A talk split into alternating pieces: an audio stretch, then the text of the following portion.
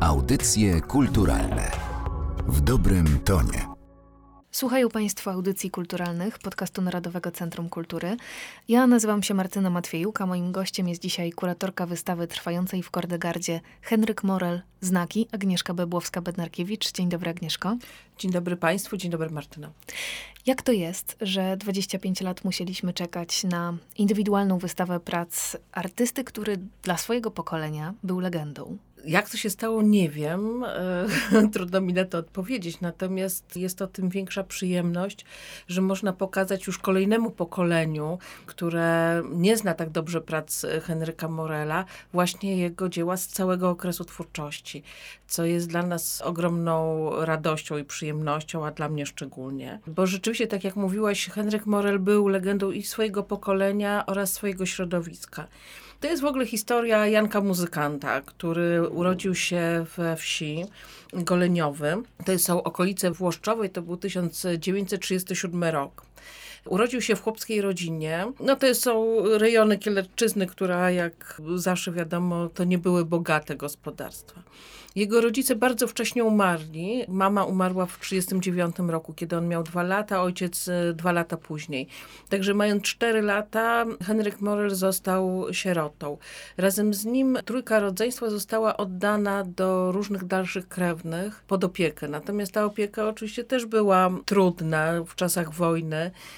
Henryk Morel musiał bardzo wcześnie zacząć zarabiać. Jeszcze nim poszedł do szkoły podstawowej, zarabiał pasąc krowy.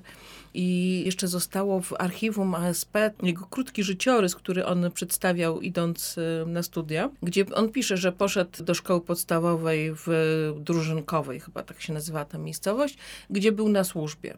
Mhm. Także to nam też pokazuje takie dramatyczne losy wojennego dziecka. Skończył rzeczywiście szkołę podstawową, potem przez krótki moment był w takim studium pedagogicznym, ale to się okazało, że to nie jest zupełnie dla niego, a ponieważ był niesłychanie uzdolniony uzdolniony plastycznie, y, został skierowany do słynnej zakopiańskiej szkoły Antoniego Kenara przemysłu drzewnego.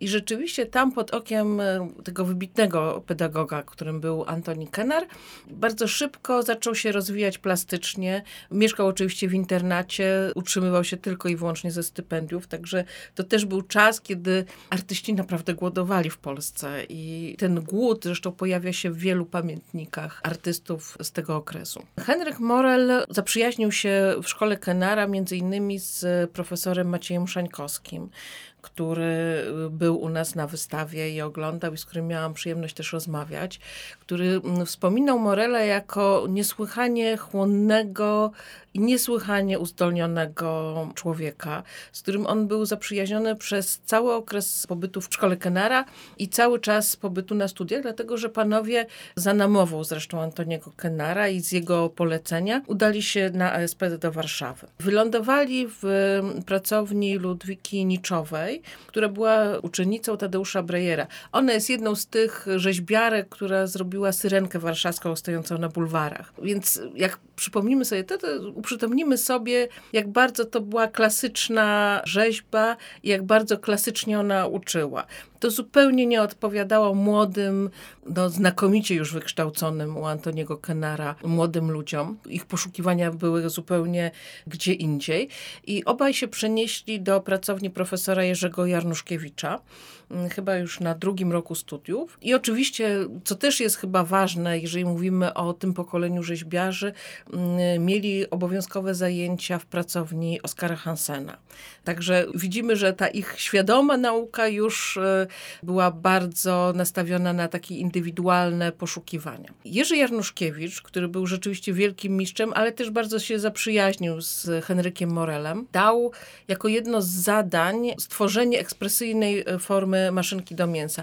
Ja tutaj szczególnie mówię o tym zadaniu, dlatego że prace właśnie te studenckie Morela, które stworzył w pracowni Jarnuszkiewicza, dotyczące maszynki do mięsa, właśnie pokazujemy w Kordegardzie e, dzięki uprzejmości Muzeum Akademii Sztuk Pięknych w Warszawie, która przechowuje te jeszcze studenckie prace Morela. To jest bardzo ciekawe studium, dlatego że Morel wychodząc od studium głowy, która znajdujemy również na rysunkach znajdujących się na ścianie, ponieważ Morel bardzo dużo rysował.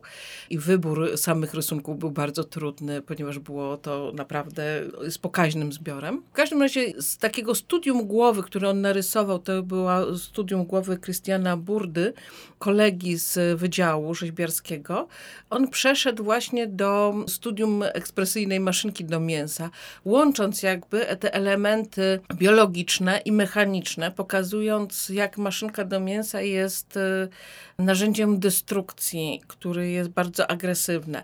I te połączenie pomiędzy formami biologicznymi a formami mechanicznymi gdzieś w jego myśleniu zostaje. Morel jest najbardziej znany chyba z takich rzeźb, które czasami można spotkać na różnych wystawach, a mianowicie łączenie metalu z gumą. I tutaj guma, my też mamy zresztą możliwość pokazania i bardzo Państwa zapraszam, bo to jest wielka przyjemność pokazać tą rzeźbę, ale z drugiej strony ona pochodzi z Muzeum Narodowego we w Poznaniu, wobec tego jest rzadko pokazywana w Warszawie.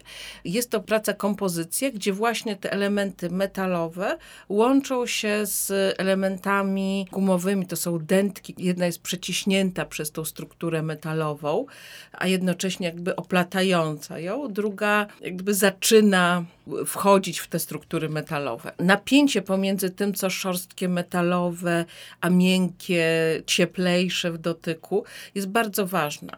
Jego praca dyplomowa nosiła tytuł Wpływ skojarzeń na reakcje emocjonalne. I to jest właśnie cały czas w zainteresowaniu Morela jako rzeźbiarza. Jak materia, którą on przedstawia, wpływa na nas i na nasz ogląd, na nasze reakcje, jak my się czujemy, jak to działa w przestrzeni. Niestety Henryk Morel zmarł przedwcześnie, żył tylko 31 lat, ale zdążył zaskoczyć nowatorstwem swoich rozwiązań, właśnie tymi kontrastami, o których wspomniałaś. Tworzył wielkoformatowe rzeźby, tworzył małe rzeźby ceramiczne, rysował, o czym też y, mówiłaś. Jest także twórcą projektów intermedialnych. Jak był odbierany przez środowisko? Z jakimi opiniami spotykały się jego prace? Dodajmy, że to jest okres twórczości lata 50. i 60. ubiegłego wieku. Tak, rzeczywiście Morel tak naprawdę tworzył od 58 do 68 roku, czyli to jest jedna dekada, w co wchodzi jeszcze okres studiów i te kilka lat po studiach. Zmarł tragicznie mając 31 lat w lipcu 68 roku. Natomiast on był bardzo ceniony przez środowisko. Tak jak mówi profesor Szańkowski, on się uczył z powietrza. On chłonął wiedzę, jakkolwiek mu podawano. On niesłychanie dużo czytał. On z tego chłopca, który się wychował na pastwisku, stał się wyrafinowanym intelektualistą pod koniec życia. Profesor Szańkowski podkreśla, że jest to też zasługa Aleksandra Jackowskiego, u którego pomieszkiwał, był sublokatorem. I Aleksander Jackowski, który był znakomitym y, krytykiem sztuki, on podsuwał mu różne rodzaje książek, szczególnie dotyczące muzyki. I właśnie tutaj y, muzyka stanowiła wyjście do tak zwanych spektakli audiowizualnych, które on stworzył trzy, z czego już jedno y, ostatnie było zrealizowane po jego śmierci. Y, natomiast my w Kordegardzie pokazujemy króciuteńki filmik z realizacji takiego seansu, który się nazywał Pięć razy, który się odbył w 1966 roku w ramach y, Warszawskiej Jesieni znakomity, słynny mm, festiwal, który odbywa się nadal w Warszawie. I tam w, w galerii Foxal Henryk Morel razem z Grzegorzem Kowalskim i Cezarem Szubartowiczem oraz kompozytorem Zygmuntem Krause stworzyli przestrzeń wypełnioną różnego rodzaju sprzętami, bo trudno to nazwać nawet artefaktami. To były różnego rodzaju puszki, y, beczki, jakieś koła, było tłuczone szkło, po którym się przechodziło. Chodziło o to, żeby osoba, która wchodzi w przestrzeń tego spektaklu, była jak gdyby zanurzona w rzeźbie akustycznej, którą sama tworzy. Tam oczywiście każdy z, z twórców miał jakieś swoje osobne części, które wykonywał. Sprężyny i koła są tutaj autorstwa Morela, tłuczone szkło, do tego się przyznaje profesor Grzegorz Kowalski. Pięć razy to był tytuł tego seansu, dlatego że on się odbywał właśnie pięć razy podczas trwania e, festiwalu. Mniej więcej wchodziło, przeszło przez taki seans od 40 do 70 osób, więc możemy sobie wyobrazić, że to była bardzo elitarna relacja, sytuacja. Natomiast e, no też bardzo eksperymentalna. I tak jak słyszymy z OFU komentarz lektora z kroniki filmowej, nie do końca zrozumiała, mhm. traktowana bardziej jako taka forma dziwnego zachowania artystów, których nikt nie rozumie. Natomiast e, rzeczywiście Henryk Morel coraz bardziej się izolował już w tym momencie. Był człowiekiem, który przeżywał bardzo silne napięcie i wydaje się, że e, twórczość jego była jakąś formą okiełznania choroby, która musiała w nim no, zagarniać coraz większe połacie i w małej salce, gdzie znajduje się kompozycja z 66 roku Morela, znajdują się też prace na płótnie piórkiem. To są rzeczywiście wyjątkowe prace, które uzyskaliśmy dzięki uprzejmości Muzeum Sztuki w Łodzi. To są prace z ostatniego okresu. Tuż przed śmiercią on, on skończył ten krótki ośmio... Znaczy było więcej prac, my pokazujemy osiem. Ten cykl i tam widać jak mrok walczy ze światłem, jak mrok zagarnia coraz większe przestrzenie światła. I to nam jest jakimś takim wziernikiem w to, co przeżywał, przeżywał Morel. Jest to bardzo smutne i ten mrok, który go w końcu zagarnął i Morel zdecydował się na samobójczą śmierć, to jakby pokazuje taką tragiczną stronę kosztów, które poniósł ten młody chłopak, który wyszedł ze wsi i który zrobił taki ogromny skok, dlatego że e, on tworzył rzeczy i był dla swojego pokolenia też drogowskazem, w jaki sposób, którędy podążać w stronę takiego nowoczesnego myślenia o rzeźbie. Zapewne w tych pracach również pobrzmiewają echa traumy z dzieciństwa, traumy związanej z piętnem wojny. Mówiłaś o tym operowaniu kontrastem, o zestawianiu duchowości z mechanicznością, e, materiałów twardych z miękkimi, wytrzymałych z tymi, które są podatne na zniekształcenia. W jaki sposób powstawały jego rzeźby i formy przestrzenne? Profesor Szańkowski opisywał, że powstawały w bólu. że y, on rzeczywiście bardzo się męczył, szczególnie nad tym połączeniem metalu z, z, z gumą. Mhm. To było zupełnie coś nowego. On też zajmował się rzeczami, które ulegają zniszczeniu. I tutaj mm, rzeczywiście chyba warto powiedzieć o tej elbląskiej rzeźbie, która miała miejsce na drugim Biennale Form Przestrzennych w 1967 roku w Elblągu. Tam została stworzona przez niego rzeźba z absolutnych odrzutów przemysłowych. Były to takie wielkie konstrukcje metalowe stojące na wzgórzu ponad y, Elblągiem, jakby wiszące nad miastem. To był metal, który był poddany już jakiemuś procesowi destrukcji, pokryty rdzą i wiadomo było, że on się rozpadnie. I właśnie Morelowi zależało na tym procesie rozpadu, na tym procesie zniszczenia. I to jest też trochę takie zniszczenie, które on i tą destrukcję, którą już nosił w sobie. I on to jakby uzewnętrznił poprzez rzeźbę zniszczenie. Zresztą rzeźba uległa naprawdę destrukcji, dlatego że dotrwała do 2000 roku, kiedy elbląscy złomiarze ją odcięli i sprzedali na złom. Resztki zostały jeszcze wywiezione. Także to zniszczenie naprawdę się dokodało, tak jak zniszczenie życia Morela poczynione jego własną ręką. Ta destrukcja też była dla niego bardzo interesującym procesem, który chciał też pokazać. Jest, był, był jakby takim profetem trochę własnej śmierci. Są też na tej wystawie momenty świetliste. Jak to było z tymi prototypami czekoladek dla Wedla? Mm, tak, rzeczywiście.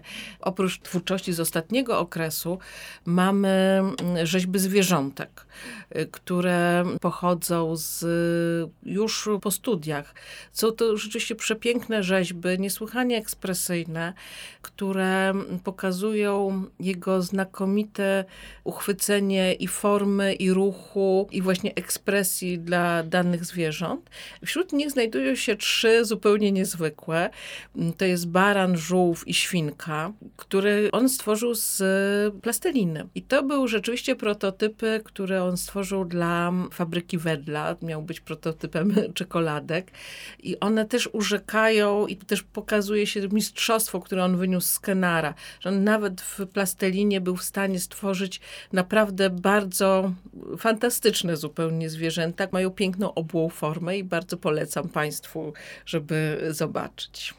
Czy trudno było dotrzeć do prac Morela? Wspomniałaś o Muzeum Sztuki w Łodzi. Gdzie jeszcze współcześnie znajdują się jego dzieła? W większości e, prace Morela znajdują się w archiwum e, Muzeum Akademii Sztuk Pięknych. Mhm. I to jest rzeczywiście wielka chwała muzeum oraz profesorowi Jarnuszkiewiczowi, jak mnie mam, którzy po prostu zebrali po jego śmierci wszystkie prace, które się znajdowały i je zabezpieczyli. Przyznam, że nie wiem. Wiem, że w Muzeum w Łodzi znajdują się mm, fenomenalne prace Morela, też prace piórkiem na płótnie ale one są kolorowe. To też jest ostatni okres Morela, który wydaje się, że był taki właśnie ciemny i ponury, ale w tym wszystkim znajdują się właśnie prace, które pokazują jego jako fantastycznego kolorysta. One są bardzo surrealistyczne są jakimiś takimi przestrzeniami, w których się dzieją, jakieś twory wychodzą z wody, bo są tam takie elementy muszli. Natomiast no, żyją spadkobiercy Morela, bo Morel miał trójkę rodzeństwa, rodzinę swojego brata Aleksandra, z którym był bardzo zaprzyjaźniony, że ta, ta więź nie była tylko więzią braterską, ale takiego głębokiego porozumienia. Więc myślę, że część prac też należy do rodziny. Czy możemy dzisiaj powiedzieć, że prace Henryka Morela wpłynęły na kształt języka rzeźby w Polsce? Tak, tak, myślę, że na pewno. Nie, nie tyle jego pracę, co jego sposób myślenia. Dlatego, że on poszedł y, właśnie ten krok dalej. Pokazał połączenia zupełnie nowych elementów, pokazał jakby proces jako, jako formę ekspresji szekspiarskiej. Tutaj myślę o tej pracy zniszczenia. No i był rzeczywiście człowiekiem, który myślał niestandardowo. I myślę, że to rzeźbiarze bardzo dobrze rozumieli. No, profesor Szańkowski twierdził, że on był najzdolniejszy z nich wszystkich. Jeszcze do 8 stycznia mogą Państwo obejrzeć tę ekspozycję w Kordegardzie. Jakim zainteresowaniem dotychczas cieszy się wystawa i czy y, postać Henryka Morela przebija się do świadomości również tych najmłodszych odbiorców y, zainteresowanych sztuką? Muszę przyznać, że ponieważ jest to grudzień, okres przedświąteczny, to rzeczywiście ta wystawa się cieszy powodzeniem, bo cały czas mamy, mamy grono zainteresowanych, którzy przychodzą i tak samo młodsze dzieci. Dlatego, że myślę, że małe dzieci też rozumieją Morela, bo w nim było coś takiego, taka radość tworzenia, która myślę, że jest też widoczna na tej wystawie. Przy okazji zapraszamy Państwa jeszcze na finisarz. Tak, 8 stycznia zapraszam Państwa na finisarz. Będę oprowadzała od godziny 16 do 19 i opowiem jeszcze więcej. Agnieszka Bebłowska-Bednarkiewicz, kuratorka wystawy Henryk Morel Znaki, wystawy prezentowanej w Kordegardzie Galerii Narodowego Centrum Kultury, była dziś moim gościem. Bardzo Ci dziękuję. Dziękuję bardzo, do widzenia. Audycje kulturalne w dobrym tonie.